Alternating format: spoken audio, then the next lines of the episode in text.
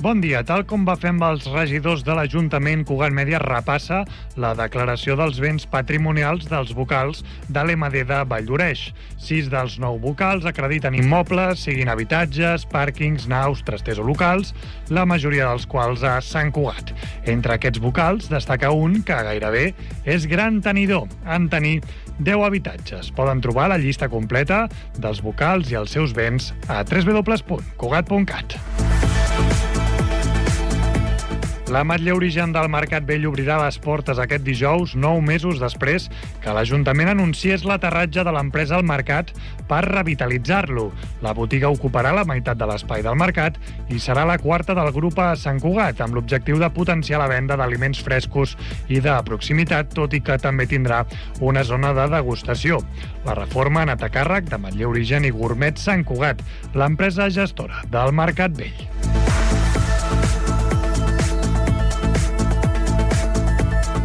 I la CUP ha engegat el procés de Garbí, un espai d'anàlisi que convida la ciutadania a debatre quin ha de ser el futur full de ruta de la formació i definir el seu projecte polític.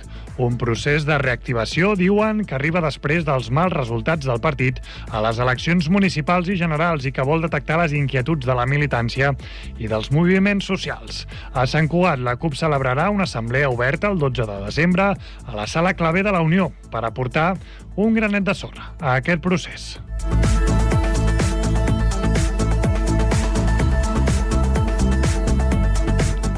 I en esports, el Club de Golf Sant Cugat s'ha proclamat campió de Catalunya Interclubs Absolut en una competició disputada aquest cap de setmana al camp de Torremirona, a Girona.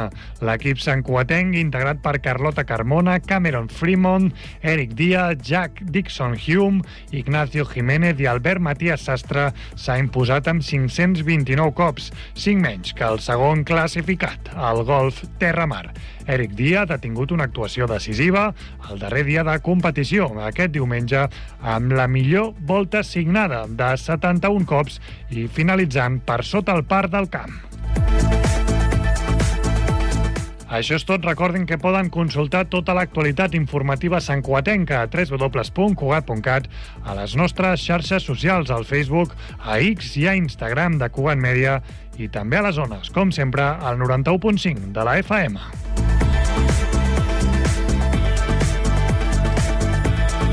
Cugat Mèdia, la informació de referència a Sant Cugat.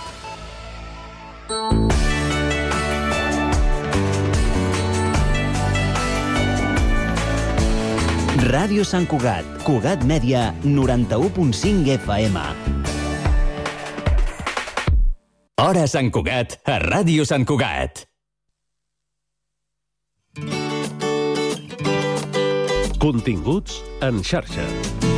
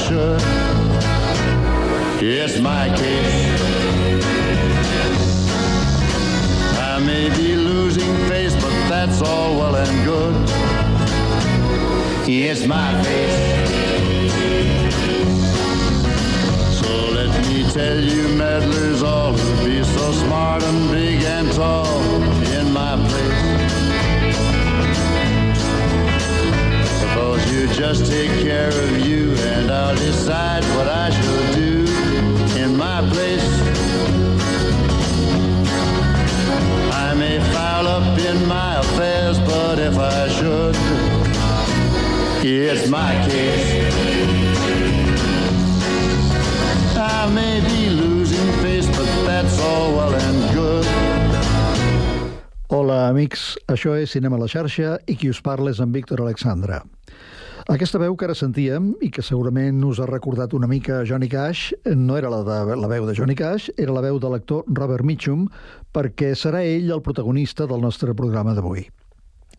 Robert Mitchum eh, no era pròpiament cantant, la seva professió era la d'actor, és clar, però tenia prou aptituds per cantar amb un bon nivell de qualitat i va ser per això que va arribar a enregistrar alguns discos que, gràcies al seu nom a la pantalla, es van vendre força bé.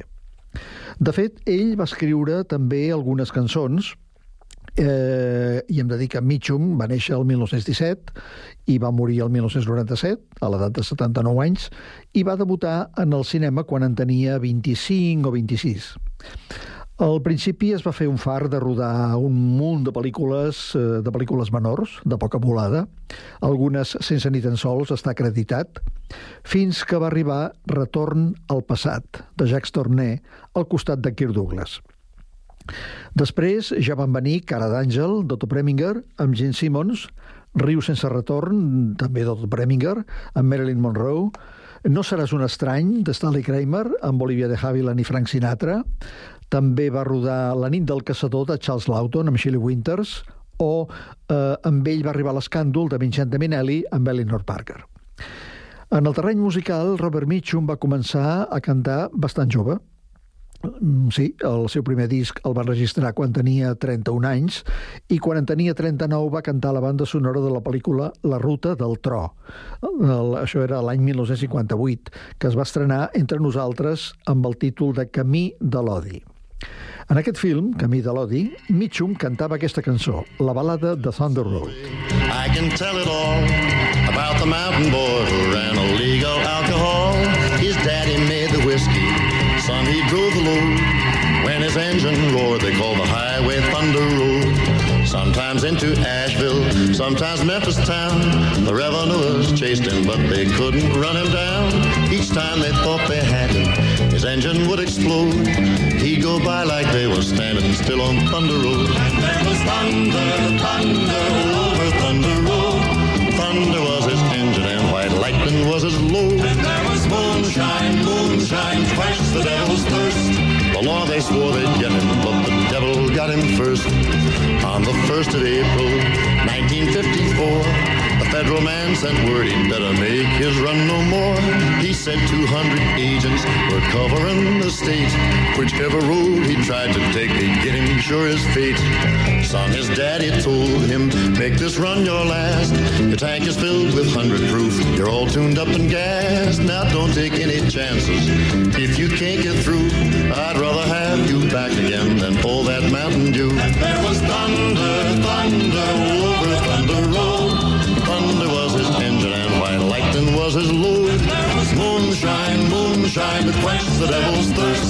Uh, una cançó de la banda sonora del film Camí de l'Odi, interpretada per Robert Mitchum, i on també hi apareixien dos fills seus, Jim Mitchum i Christopher Mitchum. Uh, Robert Mitchum va ser un dels grans, un dels grans amb majúscules de Hollywood.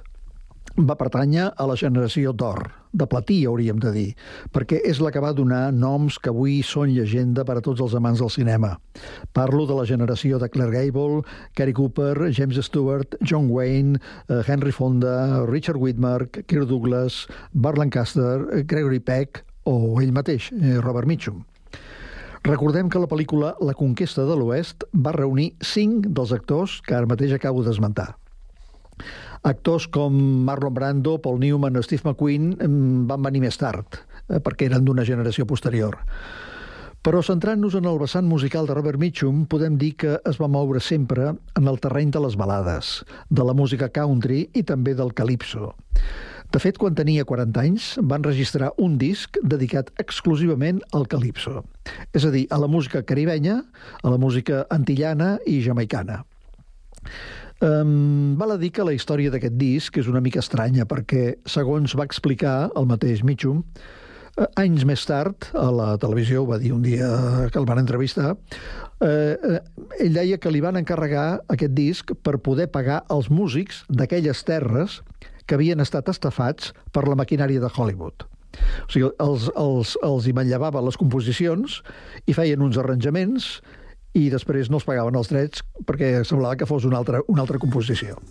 Una de les cançons d'aquell disc era aquesta Coconut Water, aigua de coco. Go with me back to the West Indies. Baby, can't you see I'm losing me pep and me energy? What I need is Drink the coconut water. the jelly. Drink the coconut Yes, it water. is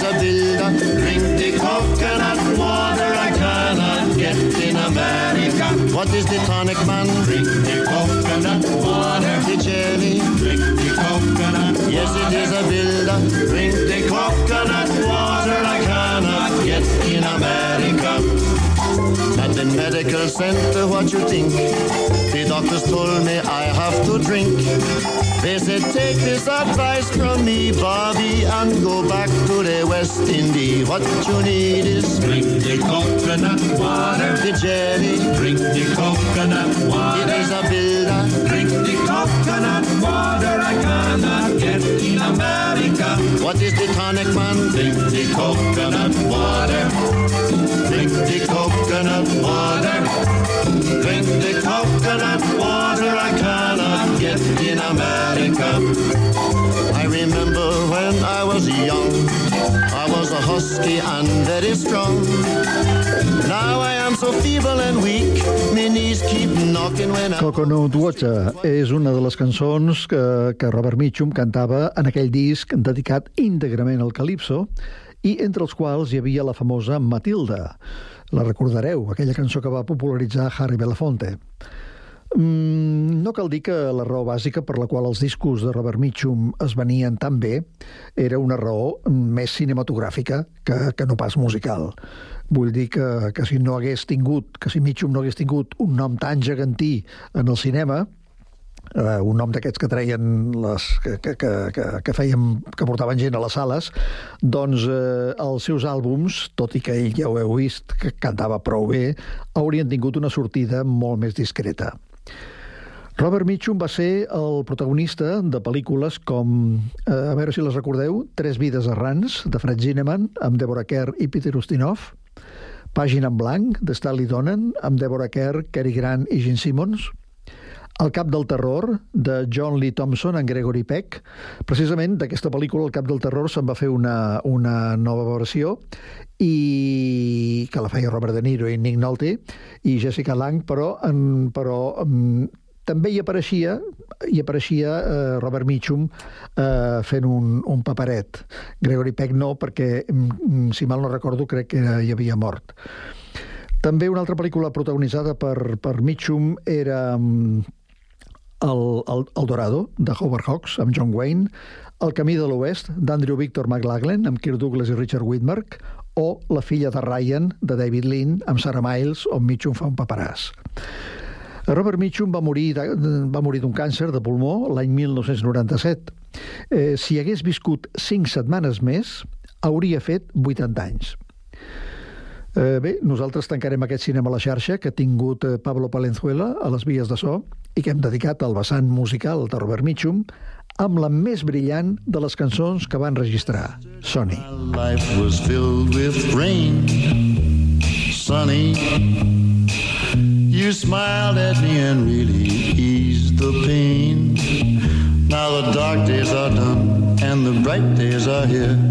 My sunny one, shining so sincere. Sunny one, so true. I love you. Sunny. Thank you for the sunshine that you gave, Sunny. The love you brought my way.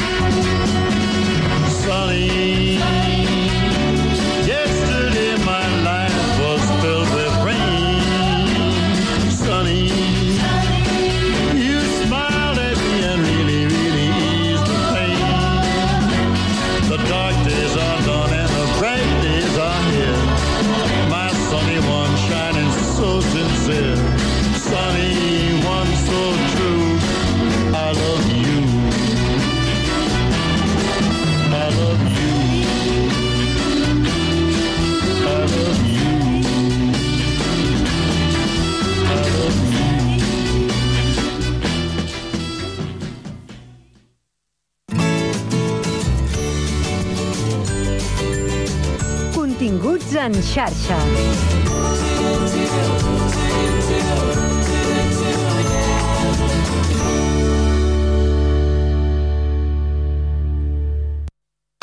Mateix ser els integrants del millor grup de la història que ser el millor grup de la història.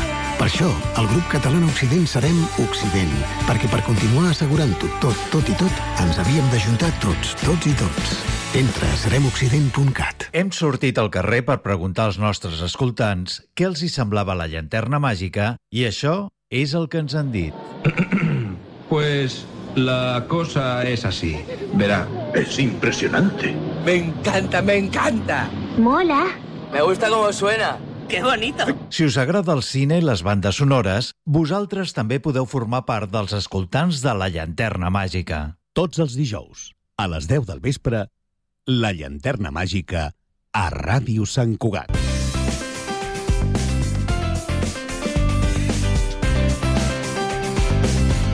Ràdio Sant Cugat, 91.5 FM. Hora Sant Cugat, a Ràdio Sant Cugat.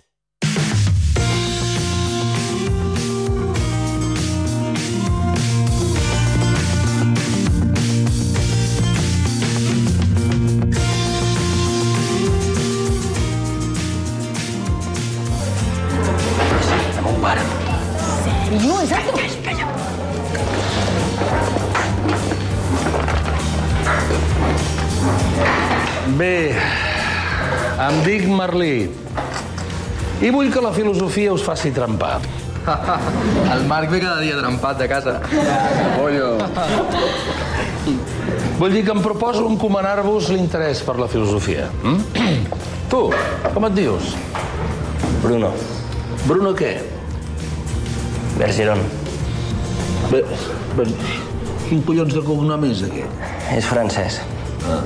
Creus que la filosofia serveix per alguna cosa? Sí. Això és el que volia sentir. N'estic fins als collons de la gent que diu que Segur que heu identificat el personatge de ficció Merlí, el professor d'institut que en el primer dia de classe pregunta als seus alumnes què és la filosofia i per a què serveix. Doncs avui, Dia Mundial de la Filosofia, al Connectats volem donar resposta a aquestes i altres qüestions i ho farem en companyia de la Carme Serret, que és llicenciada en Filosofia i Ciències de l'Educació, a més de professora de la Facultat de Ciències de l'Educació de la Universitat Autònoma de Barcelona. Carme, bona tarda. Bona tarda, Carme. Eh, mm, volia començar il·lustrant una mica el tema perquè, sobretot aquestes preguntes inicials que fa el Merlí eh, en la seva entrada a classe, és segurament eh, una pregunta recurrent, no?, quan es parla de filosofia. Per què serveix la, la filosofia? Pues jo crec que Merlí ho diu molt bé. Jo crec que serveix, eh, la filosofia serveix per trempar i serveix eh, per, jo diria, per viure per viure i cuidar de l'existència, fonamentalment, amb tot el que això comporta. Diria que la filosofia serveix no per viure millor, sinó per viure bé, amb, amb el que això comporta també, i també des d'un altre punt de vista diria que no serveix per res. És a dir, eh, des de la perspectiva utilitarista, i els temps són profundament utilitaristes ac- actualment, doncs eh, la filosofia, com la literatura, com l'art, com... no serveix per res. I, I diries que inconscientment, en el nostre dia a dia, nosaltres apliquem, ni que sigui inconscientment, la filosofia. Filosofem eh, amb moltes coses sense, sense adonar-nos, no? Sí, sí, sí, efectivament. Jo crec que ja cal distingir, diferenciar molt bé entre el que és la història i la filosofia, que normalment quan parlem de filosofia entenem com un gran sistema de coneixement, sí, que és la història de la filosofia. Els clàssics. Els clàssics i, i, i, i, i, i, i, i també els contemporanis, però eh, com si fos un, un, com un, un sistema una mica hermètic, no? per especialistes, per persones que, que, que, bueno, que es dediquen mm, a fer coses una mica especials, però, però com si la filosofia no estigués present a la vida. I, i la filosofia està profundament eh, present a la vida perquè jo crec que una de les coses que els humans podem fer, no dic que sempre les fem, però que podem fer, és filosofar. I, i filosofar és diferent a saber història de la filosofia, que es pot, es, penso que està molt bé saber història de la filosofia, eh? per suposat que sí. Jo crec que com està molt bé tenir coneixements, però hi ha algo que crec que és bastant natural en l'ésser humà, que és filosofar. Però filosofar per mi té que veure amb escollir què pensar, i no sempre escollim, o estem en possibilitats d'escollir què pensem, perquè pensar ja pensem, vull dir, i, i, i, i de vegades molt i malament, en el sentit de tot, de tot aquest soroll mental que tenim. Això no és filosofar, això és amargar-nos la vida, en general. o sigui, quan, ens, quan pensem, però ens estem preguntant coses, amb aquest pensament, és quan filosofem. Sí, quan ens fem, jo diria, les preguntes eh, són molt importants i, I jo penso que és quan ens fem bones preguntes. I tu em diràs, i què són bones preguntes? Vinga, quines eh, són les bones preguntes? La, les bones preguntes no és un llistat que puguem dir, mira, hi ha, eh, aquestes són les bones preguntes. Però jo sí que no, no penso que totes les preguntes siguin igual. Llavors, jo, jo penso que eh, filosofar és preguntar-se, no només des de la raó, que també, des de la racionalitat, per suposat que sí, però també des del sentir sí? Perquè eh, l'ésser humà és aquell que viu, però també és aquell que existeix. L'ésser humà és un ésser vulnerable, i ser vulnerable no, no, no, no és un problema, és és part de la seva condició. I ser vulnerable vol dir que l'humà és el que, es preu, el que sent i es pregunta per allò que sent, que té consciència del sentir. Per tant, les preguntes, filo, mm, jo diria, les bones preguntes no només eh, agafen la lògica de la raó. Eh, penso que en la raó de vegades fem coses mm, bastant qüestionables. Quan, quan diem aïllem la raó, si, si la poguéssim aïllar, que per una altra part tampoc no la, no no? Però eh, jo crec que les bones preguntes estan fetes d'un material complex. I quan dic un material complex no vull dir complicat. Vull dir que té una àmplia consideració, una àmplia consideració. Rilke, que jo crec que és un poeta filòsof, que la poesia i la filosofia o el filosofar no estan tan separats de vegades, des de la meva perspectiva, però Rilke deia eh, manti, man, man, mantén, mantén les preguntes eh, vives en tu corazón i no, no t'afanyis a donar-te resposta, no corris ves esperant que la re resposta vagi arribant i la vagis completant. Jo crec que les, les preguntes no, són no tenen mai respostes o quasi ben mai definitives. Doncs, escolta, en aquests temps que corren és una bona, és una bona frase, no? Eh, sí. Jo no sé si t'has preguntat alguna vegada quin, quin és el valor que li donem actualment a la, al, en la nostra societat, quin valor li estem donant a la filosofia. L'hem denostat? Sí, jo diria que tot allò que és, eh, en el sentit irònic ho deia abans, inútil, sí, eh, jo crec que la nostra, la, la, la societat actual ho ha denostat enormement.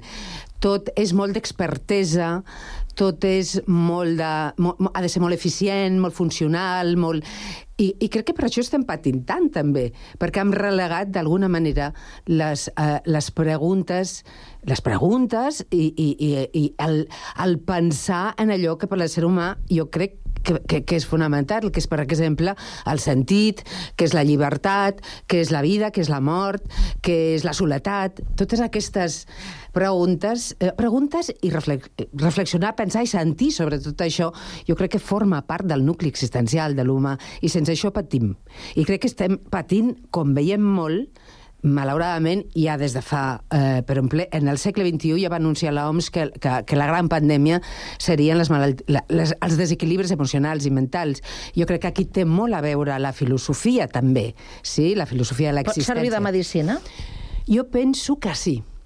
Jo penso que eh, la, la filosofia eh, la filosofia, eh, com ja des de, des de l'estoïcisme, i molt abans, eh, però eh, eh, parlo de l'estoïcisme perquè precisament eh, una certa part dels enfocs eh, en psicologia l'adopten molt, eh, de vegades d'una manera una mica simplificadora, però, i estem parlant d'Epíctet, és a dir, de fa molts i molts anys. Mm. Vull dir, des de llavors sabem com d'alguna manera, la, i abans també, la filosofia ens ajuda a comprendre i a comprendre's, a donar significat, a posar límits, a veure els límits del que està en la meva mà i del que està en mans de la vida. Um, eh, eh, tot, tots aquests aspectes jo crec que tenen que veure amb la salut. Per tant, sí, penso que la, la, la filosofia és molt saludable, pot ser molt saludable. Jo crec que Merlí, la sèrie, va fer, ho, ho mostra, crec que, que li va donar en, en aquest sentit un, un, un cert impuls i una certa popularitat a la filosofia entre els joves molt agradable i, i penso que molts dels que ens dediquem a la filosofia estem en aquesta línia, que, de transmetre als joves eh, doncs la importància per les nostres vides que té escollir què pensar, fonamentalment perquè escollir què pensar ens ajuda a ser més crítics, ens ajuda a ser més lliures, ens ajuda a prendre decisions i a responsabilitzar-nos d'allò que vivim. Però ara que parlem, per exemple, dels eh, joves eh, i d'una matèria com aquesta que mm, sovint eh, s'ha descartat perquè s'ha considerat eh, doncs que, que no era una assignatura de les, de les importants. Eh, avui dia els joves eh, trien la filosofia eh, com, a, com a formació i per buscar una sortida professional, perquè també ja s'ha de tenir en compte quines són les sortides professionals que hi ha avui dia per una persona que estudi filosofia. Sí. Um, jo crec que la filosofia, i sobretot, bueno, parlem de, de, de filosofia en el sentit ampli, eh, i pur, eh, és una opció que prenen algunes persones, joves també, jo tinc de vegades alumnes a l'educació que mm, em diuen després faré filosofia, no? Jo penso que és, que és una formació, la, la formació en filosofia és una formació molt fundacional del coneixement, i per tant penso que tindria que, que estar i estar molt al costat de, de, de tots els camps de coneixement. De to, és, insisteixo, és, és, un, és com un gran marc fundacional que ens ajuda a comprendre. Per tant, jo penso que tindria que ser, la tindríem que tenir tots des de petits. A més, jo crec que els nens són uns filòsofs excel·lents. I ho he Sí? pogut comprovar a la meva, a la meva vida. Jo amb els, amb, eh, amb els nens he pogut... Ells han filosofat, jo he filosofat, i són dels, de, dels públics que millor m'han entès i jo també els entès molt bé. Vull dir que, que, que és, els nens com a filòsofs eh, són...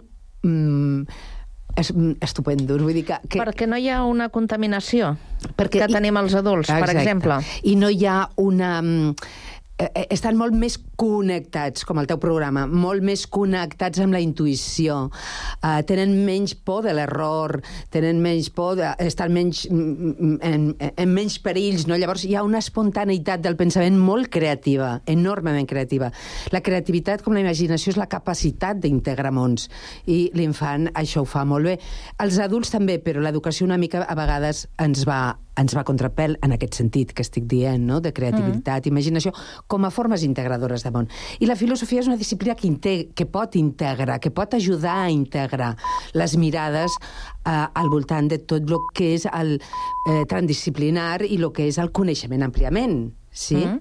Tenint en compte que la filosofia doncs, eh, ens serveix per, per, per qüestionar-nos les coses i que té a veure amb el pensament i amb el pensament de les societats en cada, en cada moment, eh, ara mateix, eh, quins són els corrents filosòfics que, que, que estan, diríem, en boga? pues mira, ara eh, et comentaré, hi ha una qüestió que encara no està molt a debat, però sí que ja hi comença a estar. Eh, eh, en relació al que és la intel·ligència artificial, mm. en relació al que són tots els avenços en la biotecnologia, um, s'està produint eh, clar, uns canvis mm, molt radicals eh, que normalment no ens n'adonem. Vull dir, no, anem veient coses, la gent, hi ha gent de peu, vull dir, però, però no, no ens n'adonem. I estan passant coses mm, molt interessants, molt interessants i jo també penso molt delicades. Eh, aquí parlaria d'una, diríem, d'una corrent cultural, més que filosòfica, diria quasi cultural, eh, però també podríem dir filosòfica, que és el transhumanisme. Sí? I, I el transhumanisme, que ja fa uns anys, sobretot, a, a, a, sobretot als Estats Units, però també ha arribat a Europa, que es, eh, està en una, eh, en una absoluta complicitat amb tot el que és la biotecnologia i tot el que significa el sistema tecnològic com a colonització de les vides. Aleshores, el transhumanisme diria més la superació, planteja sí, la superació de les limitacions profundes Humanes. que tenim els humans Mhm. i com a través de la, de la tecnologia podem solventar aquestes fragilitats de la condició humana. Per tant, passaríem d'un humà a un... Sí, el transhumanisme és el procés de passar d'un humà a un posthumà. I ara eh, la corrent, diríem, de transició eh, que es preveu seria el transhumanisme. Clar, aquí eh, és importantíssim la ètica, els aspectes ètics i la bioètica, que no són el mateix, exactament el mateix, però que necessitem un debat ètic molt important a Europa, jo crec, eh, i dic Europa perquè és, crec que és encara on aquests debats eh, els podem portar endavant i ja s'estan fent d'alguna manera, però és, jo crec que és imprescindible i important que abordem aquests aquests eh, debats, eh, mm. no perquè la, eh, la tecnologia estigui malament ni la intel·ligència emocional, sinó perquè podem arribar, per poder posar una mica la, els límits i les línies d'on arribar. I això és un debat bioètic i Mhm. ètic. Eh, en alguna ocasió, mm, ja estem acabant la- l'entrevista i s'ha passat el temps tan ràpid que, que se'ns quedaran temes eh, pendents. Però en alguna ocasió, eh, eh, fins i tot, eh, s'ha discutit doncs, eh, la necessitat de, de tenir una assignatura com eh, la filosofia en els currículums. Eh, tu t'imagines una formació de, de, de qualsevol persona, sobretot en l'etapa més, més eh, important de, de la vida, quan un és adolescent, que és quan s'acostuma ja a tenir aquestes assignatures més, més profundes, eh, sense l'existència de, la, de la filosofia seria un error? Jo crec que radical. Jo crec que seria un error radical, però una mica tot i que, mm, vull dir, ara, per exemple, torna, per sort, torna a ser obligatòria i està en les troncals, en la troncal del batxillerat i de l'ESPAU, des de re, fa res, eh? des de, des de l'última llei, que s'ha entrat fa poc en, en vigència, no? Però s'ha tret, per exemple, la filosofia i l'ètica a l'ESO, no? Bueno, jo crec que és un error no fer-la troncal, no, no implementar-la de, de... eh, Jo diria, eh, ja m'interpretes, de 3 a 18. I, per suposat, després jo no entenc una, una, un camp de coneixement que es dediqui a la cura que no tingui, que no contempli la filosofia, com per exemple la medicina. Eh, eh, la medicina jo crec que s'està perdent moltes possibilitats, tot i que l'avenç tecnològic és enorme, però la medicina hi ha tota una part del, de l'humà que té a veure amb la condició humana que no contempla. I, per tant, eh, jo crec que això suposa un... Mm, bueno, enredirir-nos en algunes qüestions de salut. Però, bueno, com di qui diu la medicina, jo dic totes, totes les disciplines i els coneixements que tinguin a veure en la cura de l'altre. Uh -huh. Doncs eh, se'ns ha fet molt curt, perquè podríem estar parlant de moltes altres eh, qüestions, per exemple, del paper de la dona, que també ens Sí, ha quedat eh, sí, sí, molt, molt pendent. Però vaja, que una píndola de filosofia mm, un cop al dia en un moment de, eh, de la nostra rutina diària no estaria malament. I avui l'hem volgut eh, posar eh, amb aquesta estona de, de conversa amb la Carme Serret, que ens ha acompanyat avui al Connectats. Carme, feliç dia de la filosofia. Moltes gràcies, Carme, per donar-li un espai al teu Connectats també a la filosofia, que ens connecta, per cert. Gràcies, bona tarda. Bona tarda.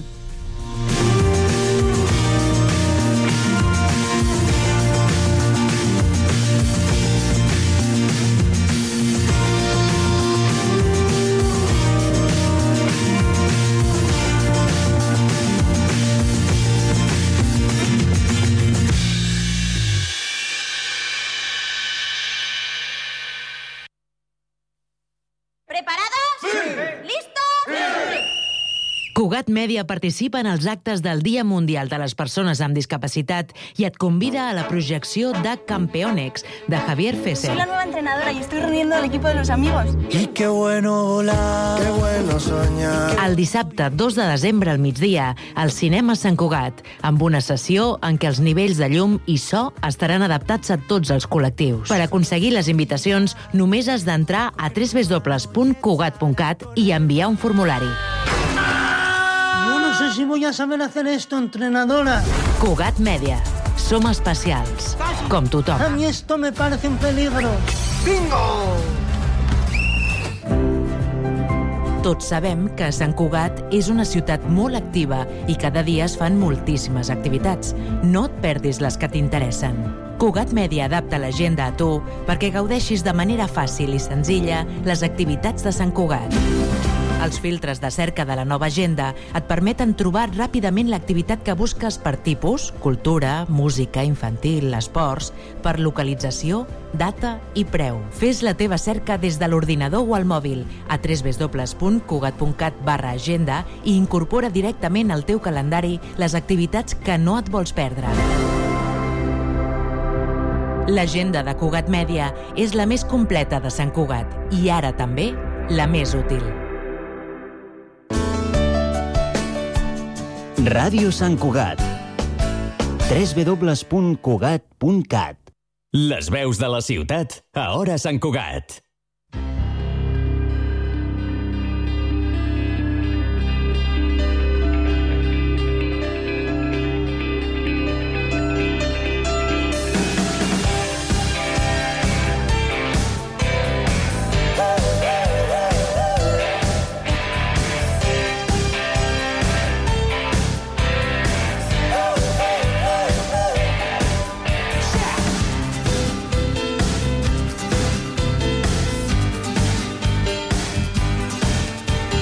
Tear out the pages that I've got in these books to find just some words to get some reward.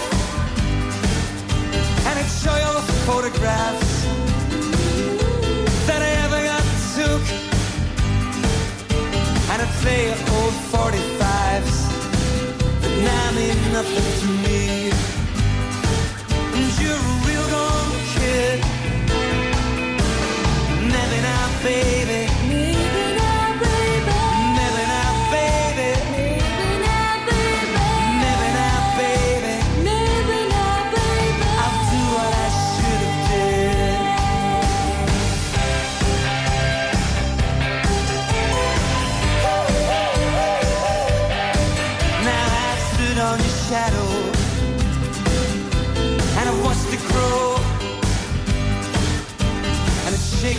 Driven me.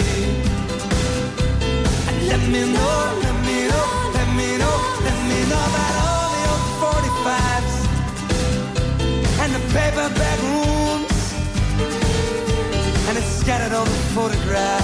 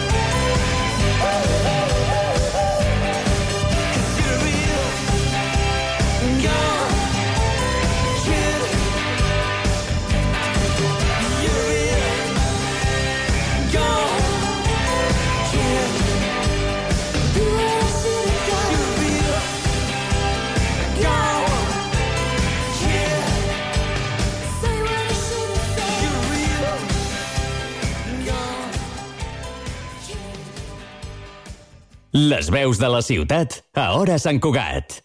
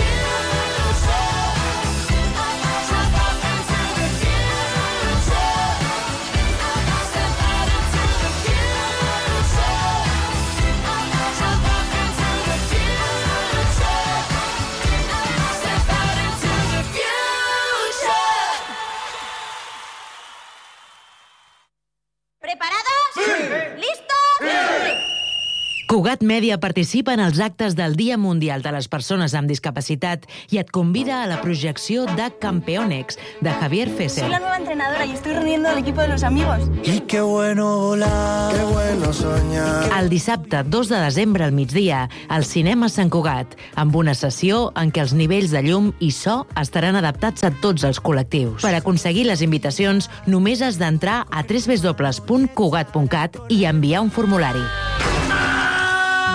si voy a saber hacer esto, entrenadora. Cugat Media. Som especials, com tothom. A mi esto me parece un peligro. Bingo! Tots sabem que Sant Cugat és una ciutat molt activa i cada dia es fan moltíssimes activitats. No et perdis les que t'interessen. Cugat Media adapta l'agenda a tu perquè gaudeixis de manera fàcil i senzilla les activitats de Sant Cugat.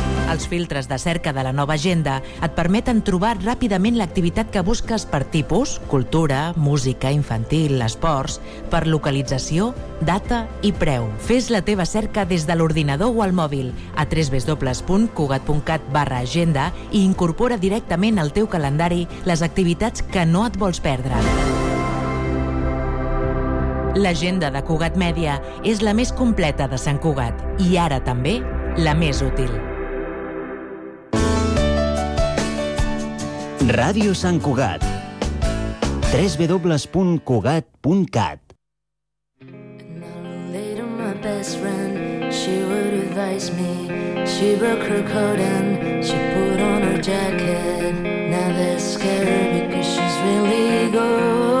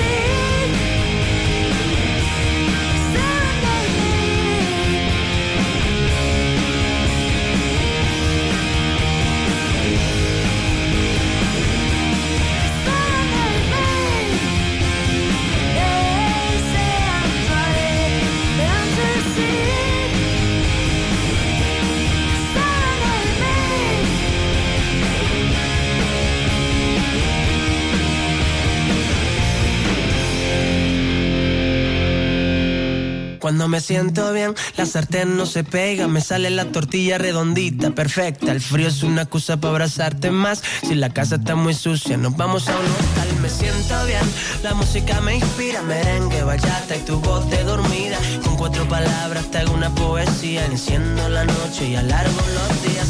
Soy capaz de leerte la mente, arreglar los problemas de toda la gente. Voy cantando las vueltas del mundo. En solo un segundo le prendo la luz al sol. Te doy mi sonrisa y te cambia la vida. Hoy tu lotería voy a ser yo. Voy a ser yo.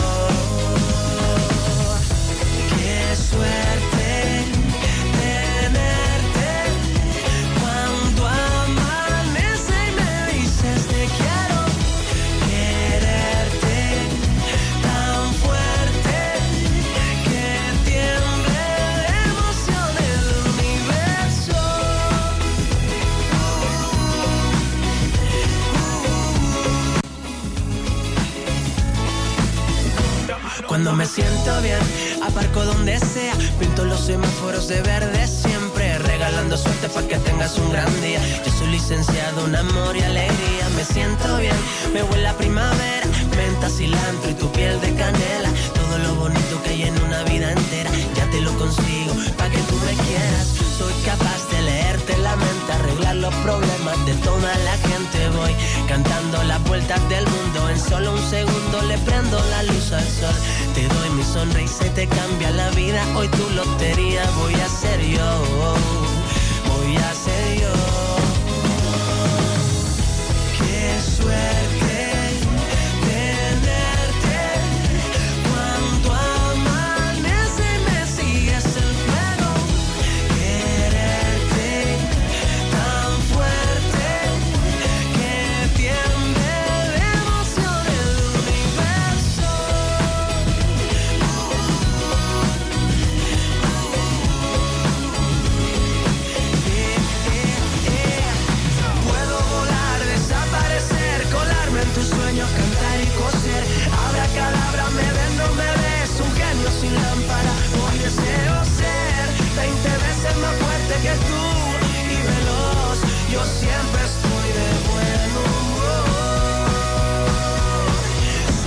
capaz de leerte la mente, arreglar los problemas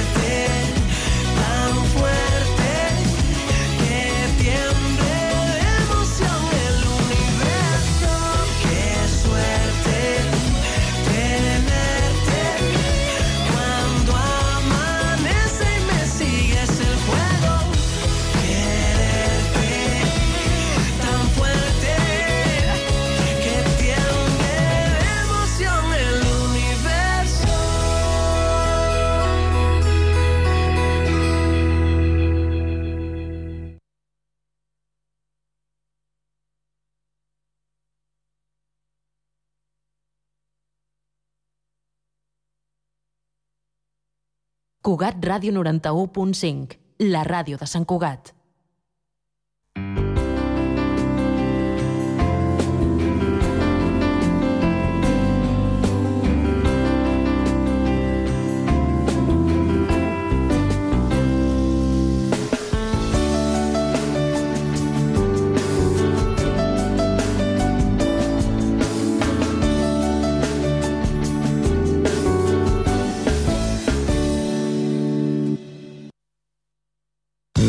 Mateix ser els integrants del millor grup de la història que ser el millor grup de la història. Per això, el grup català Occident serem Occident, perquè per continuar assegurant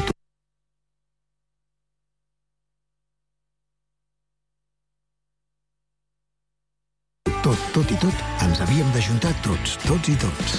Entra a seremoccident.cat. Ràdio Sant Cugat.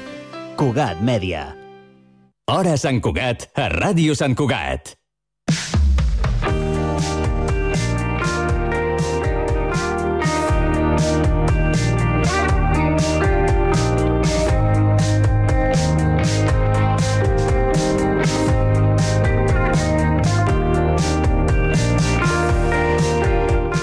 Arnau Marimón és santcugatenc i bomber al Parc de Sabadell. Recentment, amb l'equip del parc, ha participat eh, per primera vegada en un Mundial de Rescat en accidents de trànsit. Els que el coneixen bé diuen que és una persona implicada, motivada, sociable i tastaulletes. Avui al Connectats el coneixem una mica més a fons. Arnau, bona tarda. Bona tarda. Eh, com ha anat l'experiència del Mundial? Increïble, molt, molt guai i, i molt instructiva. I a nivell de resultats? Molt bé, hem quedat quarts amb l'equip de Sabadell, cosa que és bastant forta. Vau guanyar el català, l'estatal, no? Exacte, sí. Vam quedar primers al, al, al concurs intern de la Generalitat, al nacional d'Espanya, i, i ara hem quedat quarts al Mundial. Uh -huh. eh, quan fa que ets bomber, tu? Doncs ara fa que estic ja al parc, diguéssim, treballant tres anys i mig. Tres anys i mig. I, clar, tu vas eh, passar totes les eh, proves, eh, mm, vas acabar ah, en quina posició de la teva promoció? Uh, diria que amb els mèrits i així el 17, 17-18, cap allà. Uh -huh. I, no sé, algú m'ha explicat que vas fer un treball de final de... mm, fent una proposta que tenia alguna cosa a veure amb la cultura popular Sí. i tradicional de Berga? Sí, sí, tal qual. Sí? De fet, jo vaig estudiar enginyeria aeronàutica. Això mateix? Sí, per, per contextualitzar, però mai m'he dedicat a això. I quan ja estava acabant la carrera no tenia molt clar cap a on tiraria i llavors vaig buscar un treball de recerca, bueno, treball de final de carrera era, sí. que m'interessés bàsicament més aviat a mi que no pas a, a nivell de professionalitat i llavors vaig fer un, un estudi així del pla d'evacuació de la Patum de, de la festa de la Patum, diguéssim. Complicat, eh? És complicat, sí, és, és bastant I polèmic. te- te'n vas en sortir o...? Bueno, a veure, no, la veritat és que no era molt ambiciós el treball, en aquell moment no estava tampoc jo molt, molt, molt, molt ficat, però al final era un estudi de, de temps i de capacitats d'evacuació de- d'aquella plaça, a partir del qual es podria fer protocols o històries me, més enllà. No, no anava molt, molt més enllà de l'estudi de, dels temps, sobretot, i de les capacitats que tenen el, cada sortida, etc etc. Mm -hmm. Com tu deies, efectivament, tu et vas formar com a enginyer aeronàutic, eh, però no has acabat eh, exercint i, i t'hi has dedicat a, a, finalment a ser bomber. Com aquest canvi? Què ha passat? Bé, cap al final de la carrera ja tenia bastant clar que el tema de fer una feina de despatx i estar tancat allò No amb, mola. amb l'ordinador i això no, no era el meu. Llavors, no tenia molt clar què fer, la veritat. El tema de bombers en algun moment havia sortit a la carrera parlant amb algun company, però, però durant la carrera impossible compaginar-ho i llavors va quedar allà. I quan vaig acabar vaig decidir que no volia fer d'enginyer, no sabia què fer, aleshores vaig estar un temps fent de monitor de menjador. Ràdio Sant Cugat,